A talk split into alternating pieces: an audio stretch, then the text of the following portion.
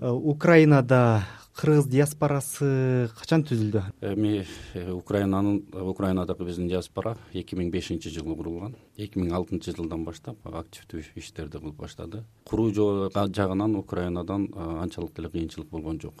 Ошо эки миң бешинчи эки миң алтынчы жылдары как раз э, ошондой общественный организацияларды регистрация боюнча анчалык кыйынчылыктар жок болчу. Биз ошол моментти колдонуп убагында өзүбүздүн э, диаспоранын общественный организациябызды ачып алганбыз да.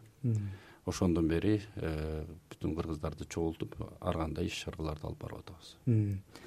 Бүгүн украинада канча баягы кыргызстандын жарандары жашап ошол жерде күн кечирип жатышат эми э, украинада москвадагыдай көп эмес. Э, бүтүн украина боюнча миңге жакын миң беш жүзгө жакын кыргызстандыктар бар. Кыргызстандыктар деп айтам анткени убагында кыргызстанда жашап жүргөн этнический украинецтер да биз ошолор менен да кездешип турабыз. Э, базарда иштегендер менен чогуу бир жарым миңге жакын кыргызстандык. Эмне менен алектенишет кыргызстандыктар? Кайсы тармакта иштешет?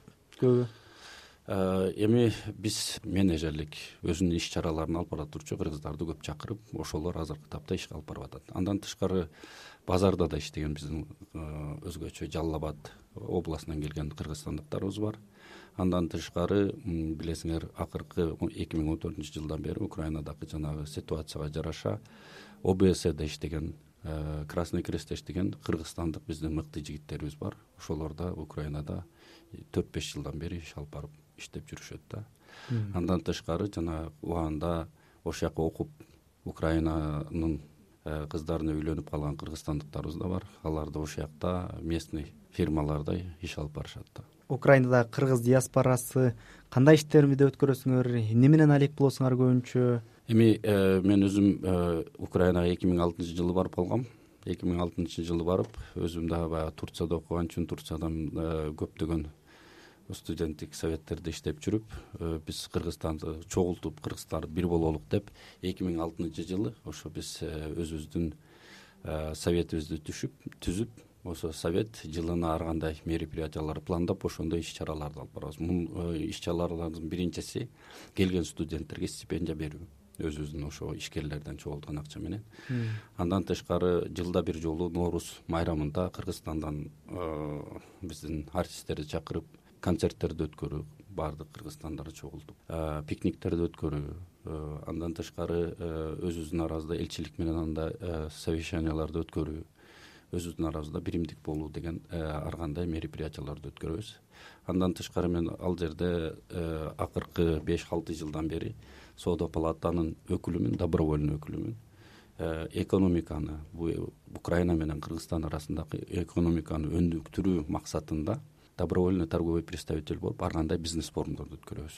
Ошо кыргызстандан биздин ишкерлерди чакырып украинадагы ишкерлер менен тааныштырып ошолор менен бир иш алып барсын деген негизде ар жылы э, бир бизнес форум өткөрөбүз. Ошол бизнес форумга э, украиналыктар бизге келет биздекилер тияка барат билесиңер өзү украина чоң мамлекет. Украинада көптөгөн мүмкүнчүлүктөр бар. Европага жакын мамлекет. Ошону билгендигибиз үчүн баягы экономика жагынан дагы иштерди алып барганга аракет кылабыз. Сиз дагы ошо өзүңүз жанагындай экономикалык бизнес форумдарды уюштуруп жүрсөңүз ал жактагы э, шартты дагы жакшы билет экенсиз анан э, кыргызстанга эмнени алып келсе болот? Э, кандай багытта иштесе кандай инвестиция тартса болот украинадан эми э, украинадан биринчи очередь э, э, өзү элүү миллион калкы болгон украина чоң аграрно промышленный мамлекет биринчи очередь андан тышкары переработка боюнча аябай күчтүү мамлекеттердин бири. Бул европага жакын болгон үчүн европадагы алдыңкы технологияларды өзүлөрүнө алып өзүлөрүндө ошо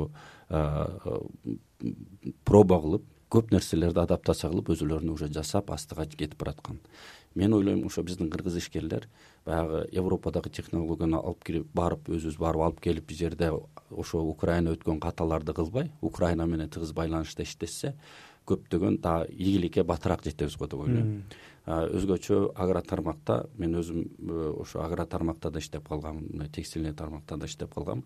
Ошо агро тармакта алган опытым менен азыр кыргызстанда ошо агро тармакта анча мынча иштерди алып барабыз. Кыргызстанга инвестицияларды кылабыз. Эми орусияга караганда украинада бир жарым миңдей баягы кыргызстандык деп атабыз. Э, негизги көйгөйлөр эмнелер эми э, билесиңер көп болгон жерде көп проблема болот көп көйгөй болот дейт биз украинада аз болгон үчүн анча деле мындай именно биздин мигранттарга жараша көйгөйлөрүбүз абдан көп деп айта албайбыз. Жок эсе. Биринчи көйгөйүбүз тил көйгөйү. Эми тил көйгөйүн да акыркы тапта украинага мугалим болуп иштегени келген кыргыздар болуп ошолор менен да бир кыргыз тил курстарын өткөрүү жагында бир чаралар көрүп жатабыз. Ошон үчүн ал проблеманы да өзүбүздүн мүмкүнчүлүктөр менен ачканга аракет кылып атабыз. Негизи э, биз э, баягы жерге көп форумдарга катышып мекендештер форумдарына катышып диаспоралардын форумдарына катышып жүрүп биз э, биздин мигранттардын көптөгөн проблемаларын талкуулап жүрөбүз. Бул өзгөчө турция жана россия сыяктуу мамлекеттерде чоң чоң көйгөйлөр бар.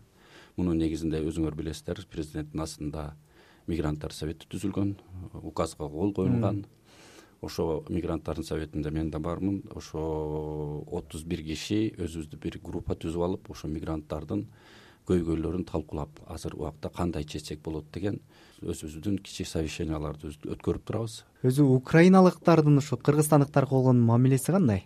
Абдан жакшы. Биринчи очередь э, украина эли абдан жакшы эл.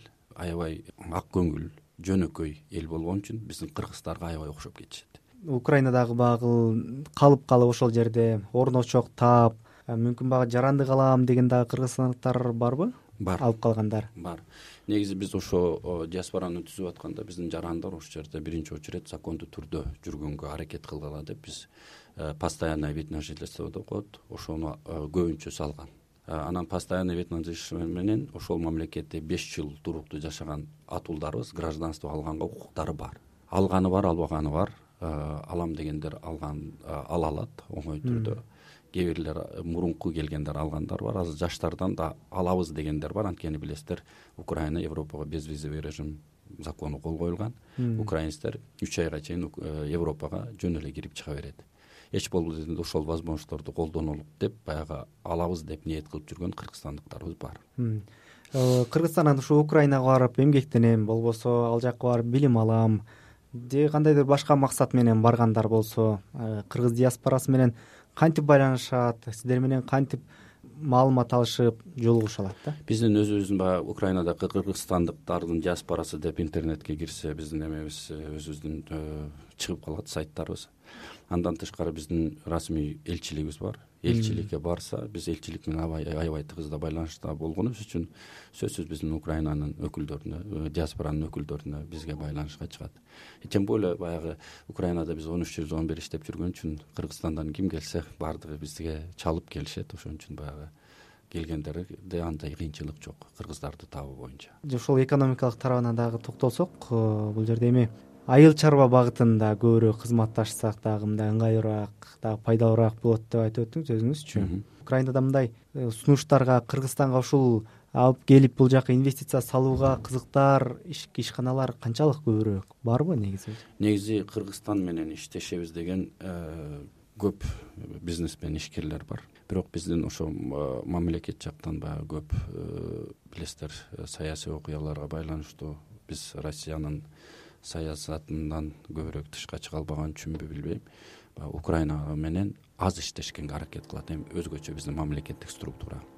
А частный бизнес өзүлөрүнүн баягы бизнестерин баягы түздөн түз э, иш алып барып атат. А мындай чоңураак инвестиция кылабыз деген украинский предприятиялар буяка келүү жагынан бир аз кыйынчылыктар бар. Биринчи очередь жана транзитный груздардын өтүүсү россия аркылуу жабык болгон үчүн баардык жүктү өткөрө алышпайт экинчиден баягы биздин э, мамлекеттик структура чиновниктерибиз э, украинецтер менен колдон келишинче азыр иштешпей туралык деген бир ой пикирде болгон үчүн бир аз ошондой кыйынчылыктар бар. Бирок биз ошол кыйынчылыкка карабай эле э, биз өзүбүз чакырып өзүбүз алып келип анча мынча экономикалык иштерди алып барганга аракет кылып атабыз. Чоң рахмат маегиңизге чоң рахмат силерге да